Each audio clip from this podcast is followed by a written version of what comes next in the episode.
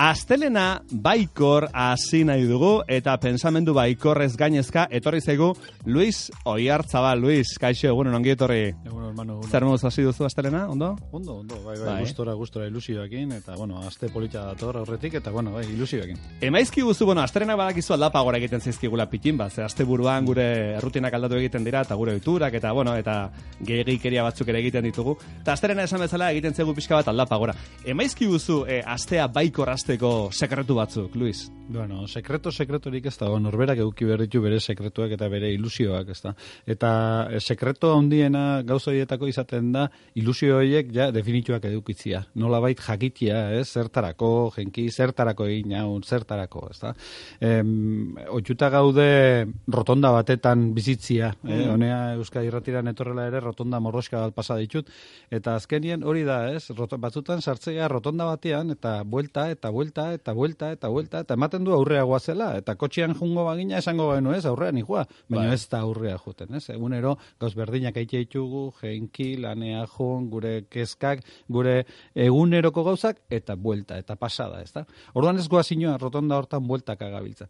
Eta horretako oso ona izaten dana da, jakitea zer egin nahi dudan. Argi edukitzia ze ilusio dauzkaten, ez da. Eta batzutan ilusio txikiak izate dira, Arratzaldian nene seme alabak jaso, edo inula barrian afaritxo bat egin itxian, edo eh, lagun batekin topo egin, edo parseotxo bat eman menditikan, ez da? Baina ilusio txiki horiek, ja ilusio emate digute eta norabide hori markatze digute. Beraz aholkua zein da, goizea jekitzen garenean, egoetik jekitzen garenean, gure buruari ilusio txiki horiek jartze, egunero bat, Bai. adibidez edo, pare bat, edo. Jart, jartzea edo, edo edukitzea, gogoratzea, ezta? Zergatik nagon hemen, eta zer suerte daukaten hemen egoteko, eta gaur hemen Euskal Herrian egoteko, eta seguraldi dagon, eta lagunakin naiz, eta gaur manukin irratian egongo naiz, eta olako gauzak jartzea, eta esatea, uf, ze, ze, ze poza, ez? Hemen Claro. nago, ezta? Hori, berbada, esatea egitea baino errazago da.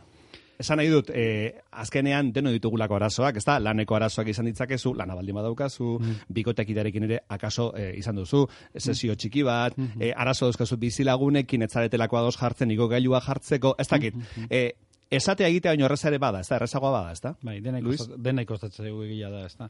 Bino, eh, esatea, esatea, eh, azken finean arazoa denak dauzkagu, Hmm. denak dauzkagu. Eta arazu hori, arazu hori bera zenbatenekoa den baita ere norberak egite dugu. Arazo berdinan aurrean mundu guztiak ez dugu berdin jokatzen. Orduan horrek esan nahi du, arazo berdinan aurrean desberdin ikusten dugula eta jokatzen dugula bakoitzak. Eta o, gure esku dago hori haunditzea edo txikitzea. Zenbat jende ezagutze dugu mundu guztia, arazo kanpotik begiratuta, arazo txiki baten aurrean, izugarrizko iskamila antolatzen duna, ezta? Eta esate duzu, kanpotik begiratuta, zuk esate duzu, ez da, ba, ez du, baten ba horreko lakorik, ez da? Ja. Beak, barruan bizi duena hori da. Beak barruan bizi duena da izugarrizko arazua. Eta segurazki pertsona horrek arazo hori bukatzen duenean beste izugarrizko arazo batian sartuko da. Eta askotan terribilizatze, dugu bizila, ez da? Arazo batean bagina bezala. Eta ez gera konturatzen leno esan duzuna nola deia izan zen emakume hori, ez dakit izena nola zun. Bai, Eh, pasen ostera dituzu gure entzule batek, Bai, esateko bai, oso triste zegoela, e, Bai. berak laurogeita bat urte ditu, eta Bai. hiltzaizkio astebeteko epean e, aizpo bat eta lingusu bat, eta oso Bai. triste zegoela, ezta? Bai. Eta irratiari esker, ba, bueno, bizi post txiki bat eman geniola, ez? Hori da, eta orduan arazoak hoiek dira, ezta? Lagun batzuk galdu ditut, nik ere bizia ja badijoa, hoiek dira arazoak egitazko arazoak, eta batzutan arazo txiki batetkin izugarrizko iskamina alma- armatze dugu, ezta? Horregatik guk proposatze duguna beti beti proposatze duguna da pixka bat gehatu, txoin pixka bat gehatu, az, eh, aztertu, hausnartu, barrura begiratu eta esan egitan, egitan nik kezkatzen ari naizena eta armatzen ari naizen jale hau egitan hainbestekoa da.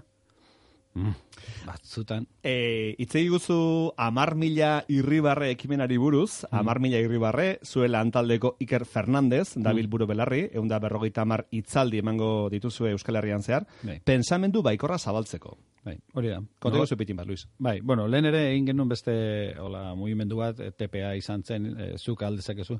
Eta oan beste buelta bat eman diogu. Azkenian, eh, honekin lortu nahi duguna da amar mila irribarre. Eta amar mila irribarre hori da simbolikoa. Nolabait nahi duguna da eh, pertsonak hartzea tarte bat, geratzeko, juteko eh, txarla hortara, konferentzia hortara, Eta txarla hortan, konferentzia hortan, esango ditugu egunero guri gertatzen zaizkigun gauzak, denai gertatzen zaizkigun gauzak, eta nola jasotze ditugun, eta nola hartze ditugun, eta nola kudeatze ditugun gauza horiek.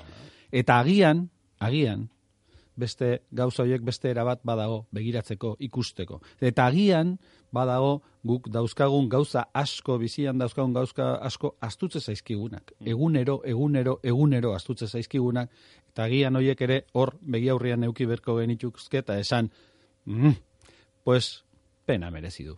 Daukatenak pena merezi du, ezta? Eta orduan irribarretxo bat atera.